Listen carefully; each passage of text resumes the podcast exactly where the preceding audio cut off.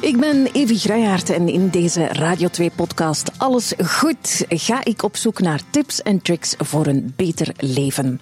Ruim de helft van de Belgen is ontevreden over zijn work-life balance, las ik onlangs. En toegegeven, ik hoor daar ook soms bij. Uh, ik heb podcastvriendin Anne Rijmen uitgenodigd en ook Joni Delanoui, wetenschapper aan de KU Leuven en experte als het gaat over de balans tussen werk en privé.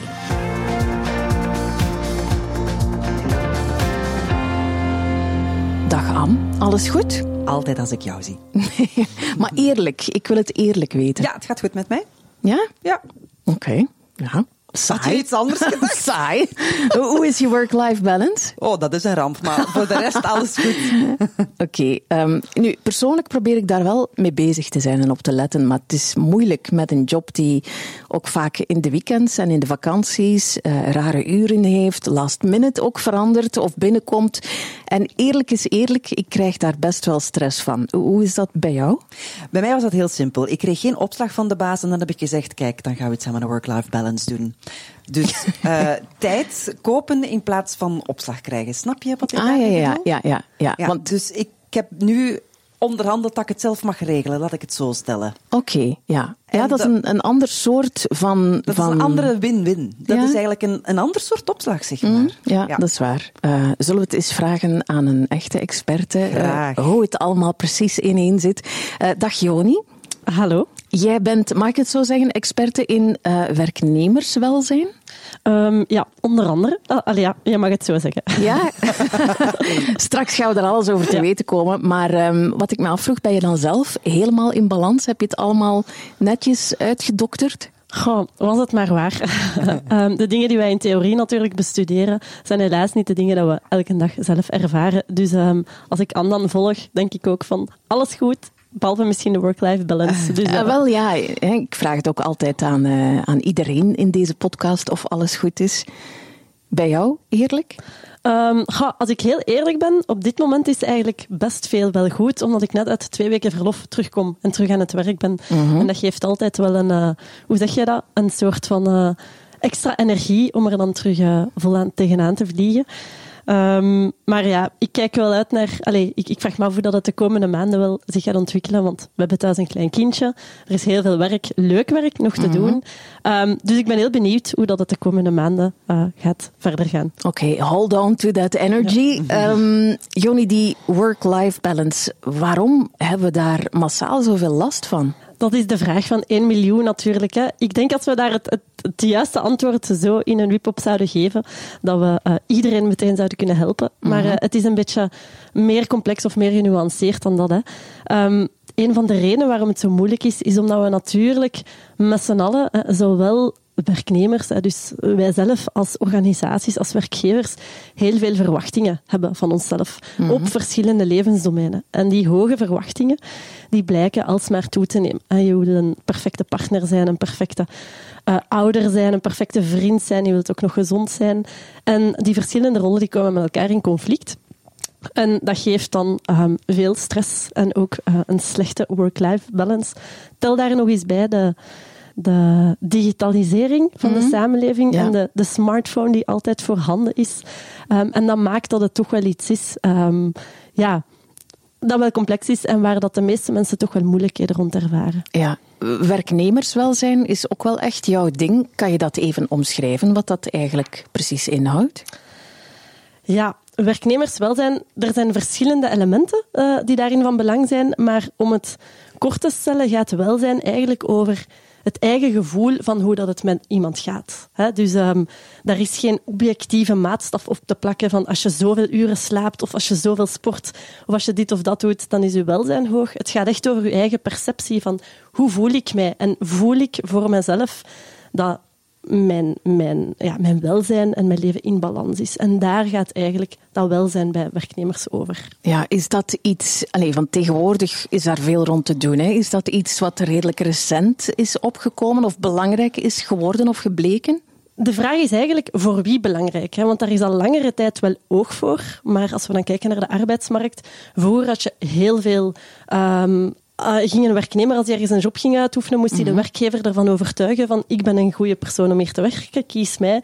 En nu raken de rollen een beetje omgekeerd. En is het aan organisaties om eigenlijk de mensen bij hen te krijgen. En als ze dat willen doen, gaan ze moeten kijken naar hoe kunnen wij jullie welzijn hier hoog houden. Ik hoor Anne juist zeggen van, ik kreeg geen opslag, dus ik ging, uh, het ging over mijn welzijn moeten beginnen gaan. En ook dat voelen organisaties, dat we steeds meer waarde gaan hechten mhm. aan niet alleen uh, geldelijk salaris hè, of financiële beloning, zoals we dat noemen, het loon dat je krijgt op rekening, maar ook dat mensen beginnen waarde te hechten aan hoe zit dat met die balans tussen verschillende domeinen in mijn leven. En eens organisaties ergens oog voor moeten hebben, dan wordt het inderdaad belangrijk. En dan, als we een beetje loskomen van die organisaties, als we kijken naar, naar Vlaanderen, naar België, dan zien we eigenlijk dat het met welzijn op het werk de laatste jaren niet zo goed gesteld is. Hè. Toename van burn-outs, ehm, veel mensen die uitvallen. Dus mhm. er wordt aan de alarmbel getrokken en er wordt wel eens gezegd van oké, dit moet wel eens beter gaan bestuderen of begrijpen. We zien in andere landen dat die, die burn-outs uh, minder een probleem zijn, vooral in andere Europese landen, uh, zoals de Scandinavische landen, zoals Nederland, waar veel meer oog is voor dat welzijnstukje, um, veel breder dan het financiële stuk of het loon. Wat is dan de hoofdreden daarvan? Dat vraag ik mij altijd af. Is dat dan de druk is die groter dan pakweg 20 jaar geleden? Mhm, mhm. Of leggen we de druk bij onszelf toch hoog? Mhm. Als je spreekt over druk, is het een belangrijke dat we ook inzien dat de oorzaak van die burn-outs niet alleen maar liggen bij de werkgever die te veel druk oplegt. Want we weten dat werkdruk niet de belangrijkste voorspeller is van burn-outs. Een belangrijke voorspeller is dat je zelf eigenlijk het gevoel hebt dat je geen controle hebt over hoe dat je het allemaal geregeld krijgt.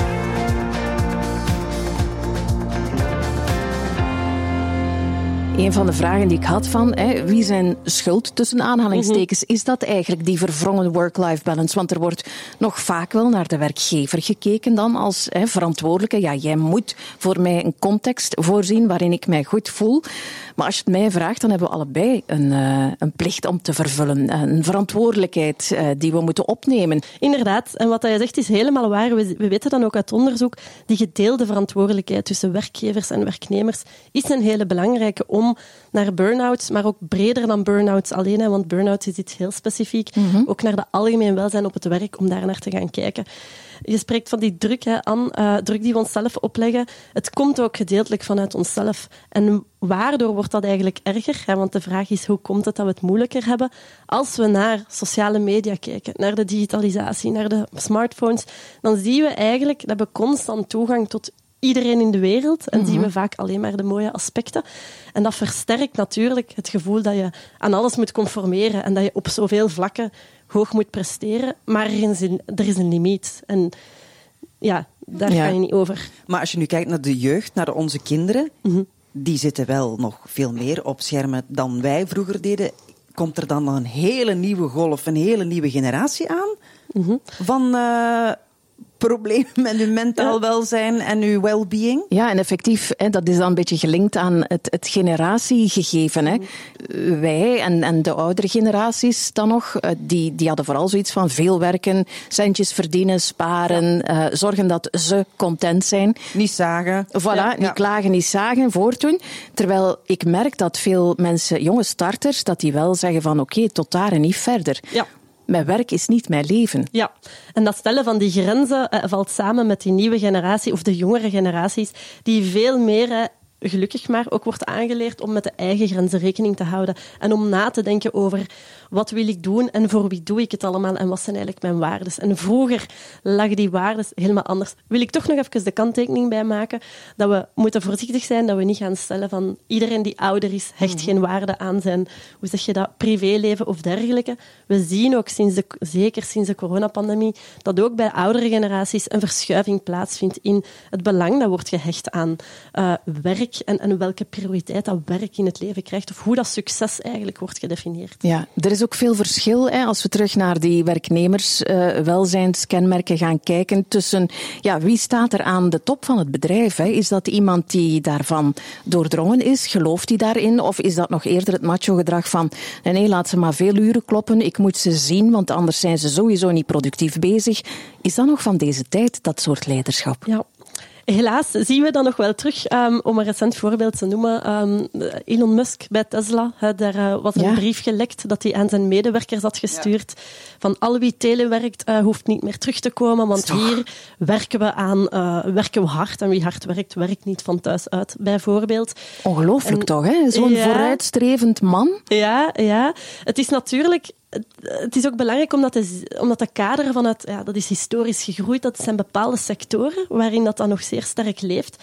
En wat dat we ook wel zien, is dat voor sommige personen werkt zo'n organisatiecultuur wel. Sommige personen willen echt graag van hun werk hun leven maken en alles daarvoor aan de kant schuiven en hebben daar ook geen probleem mee. En als je dan je fit met zo'n leidinggevende of zo'n organisatie ziet, dan kan dat op zich wel werken. Grote kanttekening is dat mensen daar vaak niet voor kiezen, dat ze in zo'n organisatie Voilà. zitten. Er is een shift van, eh, hoe zeg je, van CEO of dergelijke. En dan krijg je heel veel problemen. Maar gelukkig zien we ook, wat je zegt over het belang van die rolmodellen aan top van organisaties, zien we daar dat er veel meer openheid komt en, en ook dat er succes wordt toegewezen aan CEO's die openlijk aangeven van kijk, soms werk ik tot drie uur in de namiddag en dan ga ik naar huis omdat ik naar mijn kinderen van school ga halen. En als je zoiets kan signaleren naar je personeel of naar de buitenwereld toe, dat zijn gigantische stappen vooruit als het naar, ja, naar eh, rolmodellen en voorbeelden eh, Ja, natuurlijk als, als werknemer, eh, als zelfstandige kan je misschien nog ergens kiezen met welk soort bedrijven, met welk soort normen en waarden je wil samenwerken. Maar als werknemer ja, ben je een beetje afhankelijk van wat zijn de normen en waarden van, van de CEO en van de leidinggevenden van het bedrijf. K- kan je daar dan iets mee doen als, als je in een foute match zit? Dat is een heel tricky vraag, hè, want het, het logische antwoord zou dan zijn: je kan daar niks aan doen. Als er een mismatch is, moet je opstappen en zoek je een andere plek waar het beter matcht hè, of waar er een betere fit is, zoals we dat zeggen.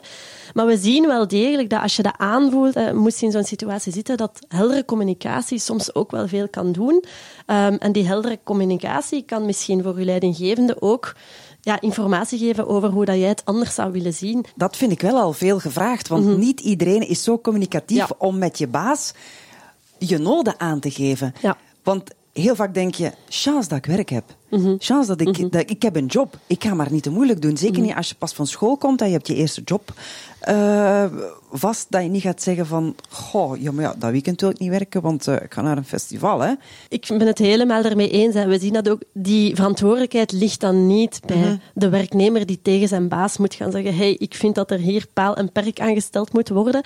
Maar we zien ook dat er een shift is in de opleiding van managers, van leidinggevenden, in hoe daarmee om te gaan. Blijft een feit dat je binnen bepaalde sectoren bepaalde verwachtingen hebt. En we zien dan ook dat tussen verschillende sectoren, die work-life balance en dat welzijn, dat het daar ook wel anders mee gesteld is.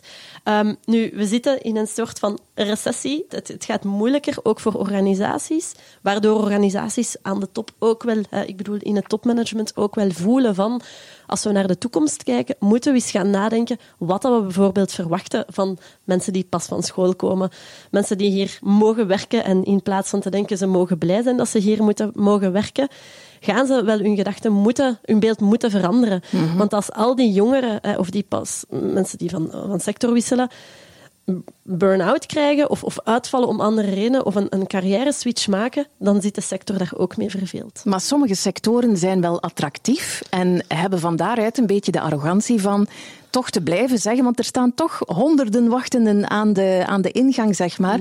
Als de ene persoon uitvalt, hup, vervangen ze gewoon door vers bloed en, en zo blijft die cirkel ook wel in stand. En daar zit je natuurlijk een stukje met de verantwoordelijkheid, niet enkel van, van de sector of van de organisaties, maar ook vanuit de overheid. Hè. Eh, We kunnen niet meer blijven verder surfen op dat model van eh, organisaties kunnen mensen uitmelken, Ja. tussen haakjes, hè, of helemaal eh, overvragen, die dan terug uitspuwen. En dan is het de maatschappij die daarvoor opdraait, omdat ons welzijn gigantisch hard wordt aangetast. En we zien ook vanuit de overheid een shift. We zien dat dat belang daarvan wel naar boven komt.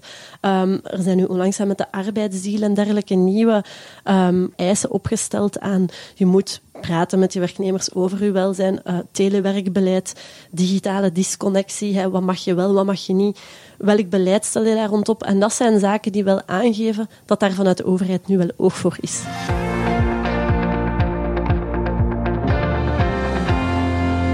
Een formule voor een gezonde work-life balance bestaat dus niet, heb ik begrepen. Zo, doe dit, dat, maal twee, gedeeld door dat. Nee. Is gelijk aan. dat Maar Ja. echt. Misschien hebben de wiskundigen die wel zitten. Nee, geen formule, maar misschien wel een aantal, eh, of een belangrijk handvat is om, om te proberen soms eens wat los te komen van de situatie waarin je je bevindt, door eens een langere tijd vakantie te nemen of een, even een break van je werk te nemen. Eh, langer dan één of twee dagen, hè, maar eerder twee of drie weken. Zodat je ook eens kan gaan nadenken van wat dat ik allemaal aan het doen ben. Strookt dat met hoe dat ik zelf de waarden in mijn leven wil ingevuld zien? Ja. En niet alleen die vraag voor jezelf beantwoorden, maar ook misschien eens checken in je naaste omgeving. Voelen jullie dat ook zo aan? Want soms krijg je een situatie, als je ergens middenin zit, dat je het niet ziet wat er aan het gebeuren is. Maar als je dierbaren, je partner, je kinderen, je vrienden, je dichte vrienden, dingen opmerken en voelen van, ga, jij bent toch niet meer de vriend die ik zou willen dat jij bent, of ik zie dat je niet gelukkig bent, dat kan ook wel even een check zijn. Dus even eruit stappen en reflecteren. Ehm, Ik vind wel dat daar een portie durf bij komt kijken. Mhm. Want ehm, stel je, je reflecteert en je denkt van ja, blijf ik dit wel doen? Maar je zit eigenlijk in een comfortabele financiële situatie Mhm. op de job waar dat je bent. Dan wordt er toch nog heel vaak gekozen voor ja, die bedrijfswagen heb ik daar. Ik Mhm. heb een mooi salaris. Ehm, ik, ga nu, eh, ik heb nu niet eh, de tijd in mijn leven om voor mezelf te gaan kiezen. Wat, wat ik onlangs gedaan heb, want ik, ik zat eind vorig jaar een beetje zo, ja, eh, niet, niet op de dool. Ik ben niet echt op de dool of zo, maar ik, ik stelde mij wel vragen. Ik wou mezelf echt eens bewust in kaart brengen en kijken van, zit ik wel goed? Is dit wat ik wil doen? Eh, doe ik de juiste dingen met de juiste mensen, de juiste bedrijven? En ik ben eens eh, zo loopbaanbegeleiding gaan doen om... eh, wat met de hulp van Ja. iemand extern te gaan kijken. En dat heeft mij eigenlijk ontzettend veel deugd gedaan, omdat dat inderdaad een beetje afstand nemen is. En back to basics, inderdaad, is eh, gestructureerd in kaart gaan brengen.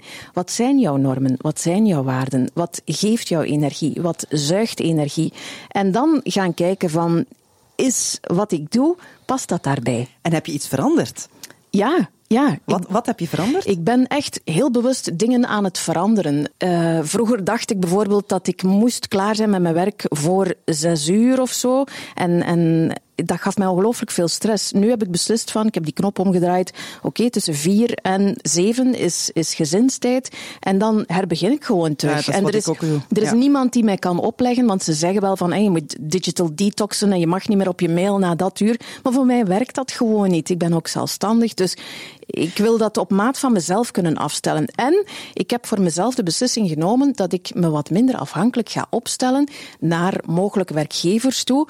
Ik ben ik. Eh, als ik niet in hun mal pas, volgens hen dan, ja, dan ga ik mij niet, zoals ik zo vaak gedaan heb, jaren aan een stuk, helemaal gaan aanpassen Ja. aan hun mal. Ik Ja. blijf wie ik ben, met mijn normen en waarden. Maar dat vind ik dus al een hele grote portie durf. dat is en zo. ook een risico. En ook eigenlijk een soort van luxe situatie, want je hebt de luxe om dat te doen. Nee, pas op, ik ben zelfstandig. Ik heb geen inkomen als, als ik, eh, ja, als ik bepaalde opdrachten niet aanneem. Hè. Het komt niet vanzelf uit de lucht gevallen. Dat, Ja. dat zal je zelf ook wel weten. Ah, je hebt niet gewoon een zak waar dat geld in valt. Nee, nee, nee, nee, nee, nee. nee. Ehm, dus het, het- ja, het, het vraagt durf en lef, maar Ja, het is volgens mij de enige manier.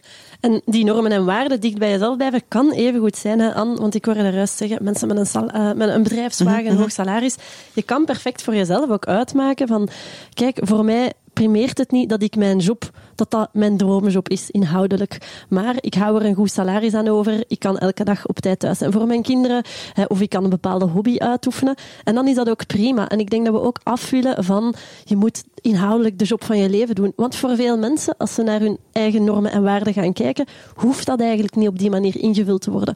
Dus we willen ook wel wat oppassen ehm, met dat perfect beeld naar voren te brengen van iedereen moet de job van zijn leven doen, op inhoudelijk. Maar je wilt alles samen genomen wel tevreden zijn met het, Voilà. eh, het pakket dat je hebt. En ofwel heb je een heel hoog loon, maar moet je misschien, ben je minder flexibel, ofwel heb je heel veel flexibiliteit en minder loon. En het is voor jezelf om uit te maken van waar zie ik mezelf inpassen. Even als jij zegt, ik kan tussen eh, vier en zeven eh, neem ik gezinstijd en mijn werk hoeft niet gedaan te zijn en ik werk in de late uren verder.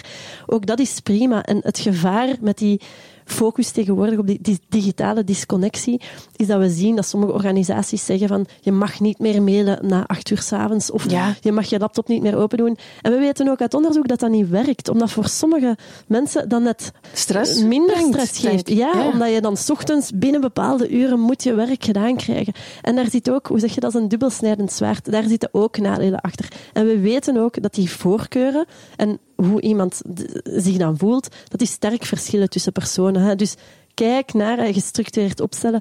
Wie ben ik? Wat geeft me energie? Dat is een hele belangrijke stap. En dat kan zijn dat de inhoud van je job niet je droomjob hoeft te zijn en dat je toch met de hoogste welzijnscores eh, bij wijze van spreken naar huis gaat. Hetzelfde met thuiswerken ook. Hè. Dat is ook zo'n hot topic nog steeds. Ja, in corona moesten we wel. Maar je merkt toch nu ook weer heel duidelijk dat er verschillende kaarten worden getrokken. Hè. De ene werkgever vindt het oké en geeft die autonomie. De andere voelt zich daar totaal niet comfortabel bij. Denkt dat iedereen achter zijn of haar rug van Ja. alles gaat uitspoken. Ja, daar is ook geen one size fits all dan. Ik denk altijd dat heeft te maken met twee kernwoorden. Vertrouwen van je baas dat je krijgt en de trots dat je hebt voor je werk. Of ik nu thuis werk of ik werk hier op het bureau, ik wil gewoon trots op mijn werk zijn. Waar ik dat doe, maakt mij niet uit. Maar hoe trotser dat ik ben op mijn werk, hoe meer vertrouwen dat ik ga krijgen van mijn baas. Ja. Leg ik het zo goed uit en mag ik nu een job bij jou op de KUL? Ja. Ga dat toch goed uitleggen, hè? Ehm, ja, het is, ik denk dat het klopt. Ik denk dat er ene pijler misschien nog een stukje in ontbreekt en dat is autonomie. Ja. Vertrouwen. Je moet inderdaad vertrouwen krijgen. En wanneer krijg je vertrouwen? Als je in de mate van het mogelijke binnen je eigen jobdesign, want dat is voor elke job anders, de autonomie krijgt die je zelf nodig hebt Ja. om je job naar behoren uit te voeren. En we zien inderdaad bij bepaalde organisaties dat zij thuiswerk of flexibele uren niet toelaten uit schrik dat iemand daar Dat er- ja, ja, misbruik ja. van gaat maken. Dus wat doen ze? Ze houden de autonomie bij zichzelf. Ik als werkgever bepaal waar en wanneer jij moet werken. En we weten ook dat wanneer die autonomie niet wordt gegeven aan mensen en het vertrouwen is er niet, dat alle elementen slecht zijn. En met elementen bedoel ik dan het welzijn van werknemers, maar ook hun prestatie. En het heeft geen zin om te zeggen, je mag van thuis werken, maar we gaan wel monitoren wanneer je achter je computer zit en je mag overdag niet naar de winkel gaan. Want dan zien we ook uit onderzoek dat de voordelige effecten van thuiswerk Wegvallen, hè? en van flexibele Ja, ja. uren wegvallen. En de gemeenschappelijke deler is inderdaad vertrouwen. Waarom ga je iemand aannemen als je die niet vertrouwt? Iemand kan ook slekken wanneer die op het werk aanwezig is. Natuurlijk, belangrijke kanttekening. Sommige werknemers willen naar kantoor komen omdat ze voelen, als ik niet tussen mijn collega's zit of ik zit niet in een bepaalde setting, dan krijg ik weinig gedaan. En ook daar is hè, belangrijk, die communicatie tussen leidinggevende en werknemers is daar heel belangrijk. En daar is de training en de opleiding van leidinggevenden in de toekomst Ja. omtrent remote work, omtrent thuiswerk wel heel belangrijk.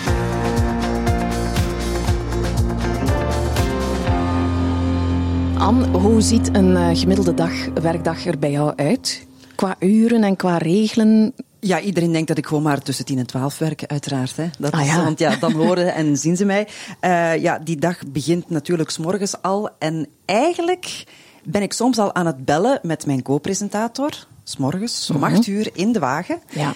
Terwijl dat eigenlijk de show al wel af is. Want die wordt de dag voordien gemaakt. Oké. Eh, je komt hier dan toe, je overlegt opnieuw. Dus je werkdag start eigenlijk al om acht uur in de... Ah ja, als je er echt een uur op wil plakken, Mhm. om acht uur in de auto. Dan heb je uitzending tot twaalf uur. Dan heb ik een kwartier tijd om iets te gaan eten. Want dan beginnen we meteen aan de meeting voor de dag nadien. Dat is niet goed, hè? Een kwartier ja, eten. Ik heb, dat wel, ik heb dat eigenlijk ingevoerd omdat ik zo rap mogelijk naar huis wil. Ah ja. Want waarom ga ik hier een uur lunchpauze nemen, een beetje staan te babbelen, om daarna nog aan een meeting te beginnen? Dus ik combineer de twee. Wij eten terwijl dat we meeten. Ja? Dat is eigenlijk ook niet goed, Ja, hè? ik weet het, Evi. Maar wacht, nu komt hier mijn tijdswinst. Ja. Het team is weg voor dat de avondspits begint. Win-win situatie. Moeten er nog dingen afgewerkt worden, dan doe je dat op je eigen moment, op je eigen manier. Oké. Het enige na, dus na zeven uur, zoals je net zei, je hebt vier, zeven bijvoorbeeld, Mhm. de gezinstijd, hobbytijd, rondrijden, ik moet zeggen Ja, dat het is. voilà. Het is nu eenmaal zo. Taxi mama. Na zeven uur kan je er terug aan beginnen, want die show moet wel af zijn de dag nadien. En die autonomie kreeg je ook. Ja, maar het enige nadeel daaraan is, het stopt nooit. Sinds dat er Teams is waar dat je dan met twaalf man in zit, elk idee wordt in Teams gesmeten. Dus je bent al wel bezig met het huiswerk van je kinderen, ondertussen ping, ping, ping, en je wilt dat toch antwoorden, want het gaat toch over je eigen show.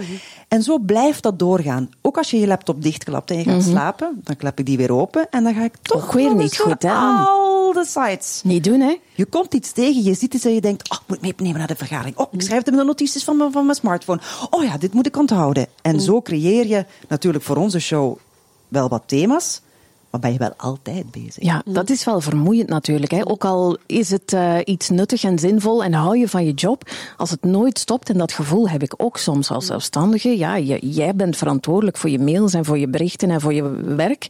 Ja, het stopt inderdaad niet. Hè. Ook op vakantie. Alhoewel dat ik nu afgelopen vakantie echt bewust heb gezegd: twee weken, de wereld gaat echt niet vergaan als Ja. ik twee weken mijn mails niet beantwoord. Ik zet het ook heel duidelijk in mijn out of office. Ik heb ook in mijn, mijn voicemail, daar, daar zeg ik op een vriendelijke manier in, spreek niks in. Ja, heb ik ook. Want ik, ik luister, niet. niet. Als er Ik echt iets heel dringends is, stuur dan een WhatsApp en dan sluit ik al al de mensen uit die mijn nummer niet hebben. Ja, ik doe net hetzelfde. Het moet ergens een keer stoppen. Ja, ja.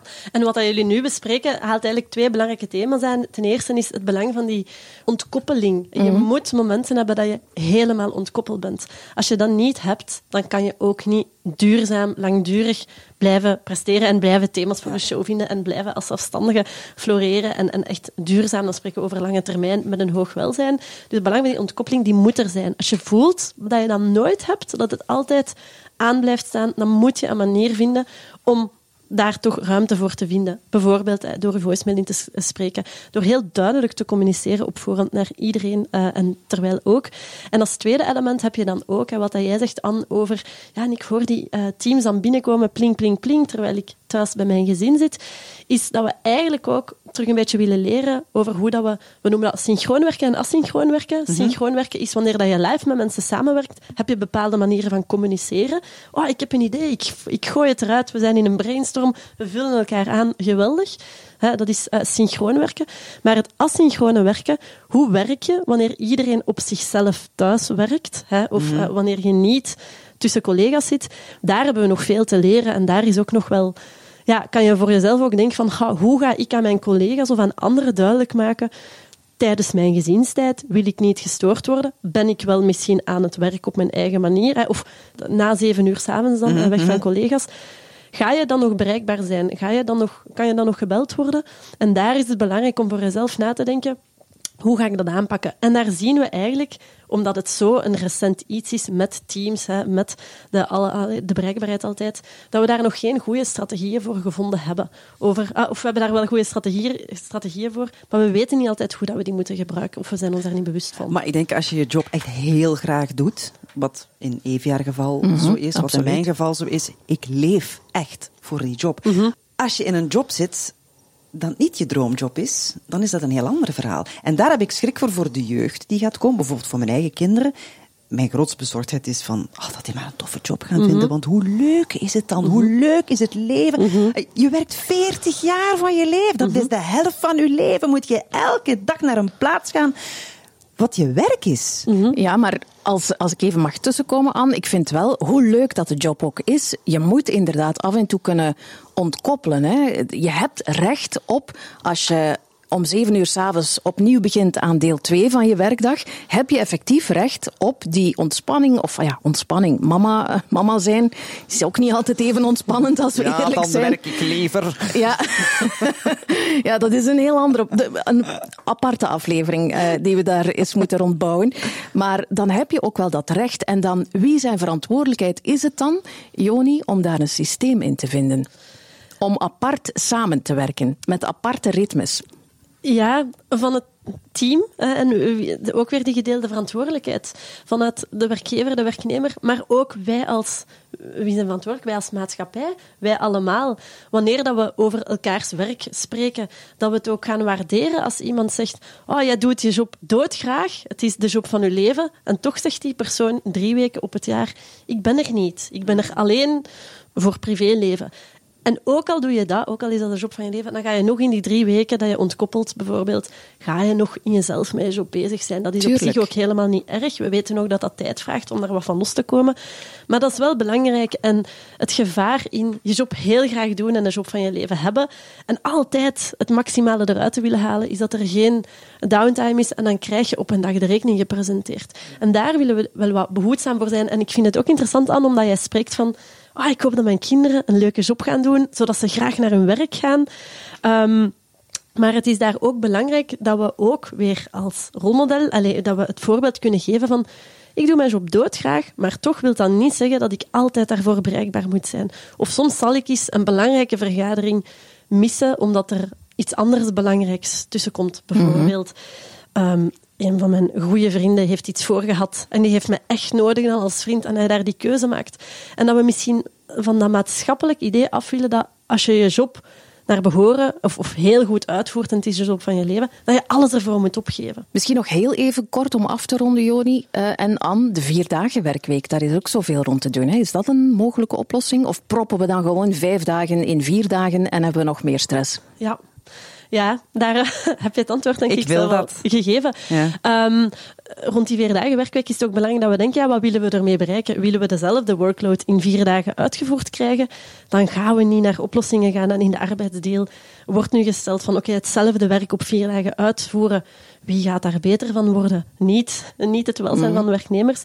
Maar wanneer we spreken over een vier dagen werkweek, als in we gaan het maatschappelijk waarderen dat iemand grenzen stelt en zegt: Ik wil drie dagen in plaats van twee dagen voor zaken buiten mijn werk. En toch doe ik mijn job graag en ga ik goed werken daarin. Als we dat beeld erdoor krijgen, dan is de vier dagen werkweek wel een, een, een richting die we kunnen ingaan om weer die plaats van werk en het belang van ontkoppelen en het belang van andere levensdomeinen, om dat wat meer op de voorgrond te plaatsen. Ja, maar dan ook de werkgever moet dan natuurlijk die andere dag nog zien ingevuld te krijgen met iemand anders. Dus dat wordt ook wel weer een hele puzzel. Ja, maar ja. niet onmogelijk. Nee, niet onmogelijk. En ook misschien, een interessant, allez, misschien iets interessants om over na te denken, is dat we heel veel mensen hebben die geen job hebben of die uitgevallen Voilà. zijn. Dus die zijn niet aan het werk. En het andere deel is voltijds zich aan het overdoen. Kunnen we dan niet naar een andere verdeling gaan? Ja, dat waarin schuift, iedereen hè? iets minder werkt, maar meer mensen aan het werk zijn. En dat is denk ik ja, een, een- toch een richting die we misschien eens willen overdenken. Dat we ook zien in bijvoorbeeld andere landen, zoals Nederland, de Scandinavische landen, die Ja. daar wat be- beter in scoren. Ja, Anne, jij bent duidelijk, jij gaat voor die vier dagen week. Ja, nee, want dat mag niet. Ah ja. Anders is er geen show op vrijdag. Maar ik zou bijvoorbeeld heel graag eh, vrijdag bijvoorbeeld niet werken. Ehm, omdat ik soms wel nood heb aan een momentje voor mezelf. En dan denk ik, die kinderen zijn op school, die man is aan het werk.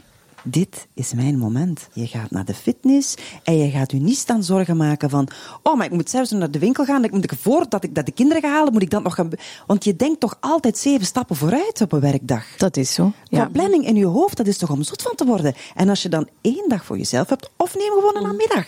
Een namiddag voor jezelf, een voormiddag voor jezelf. Dat vind ik een wereld van verschil. Echt waar. Je doet dan wel alleen iets voor jezelf. Oké, eh, heb je het Zo al voorgelegd? egoïstisch moet je zijn. Heb je het al voorgelegd hier bij eh, Radio nee, 2 waar je ik weet dat het niet mag. Try it anyway. Wie weet staan ze ervoor open. Eh, Oké, ik ga deze podcast afronden en mijn gasten bedanken. Anne Rijmen, merci om je heerlijk imperfecte zelf te zijn. Mijn eh, fantastisch normale klankbord, net als ik zelf zoekende in onder andere een betere work-life balance. En jij, Joni eh, Delanoy, bedankt voor al je expertise, voor al je wijsheid. Ehm, hopelijk hebben we toch een pak mensen, werknemers, werkgevers en alles daartussen en rond weten te inspireren om hiermee aan de slag te gaan. Of er tenminste toch al eens over na te denken. Dus alles goed? Nee, nog steeds niet. Maar na deze aflevering toch weer een tikkeltje beter.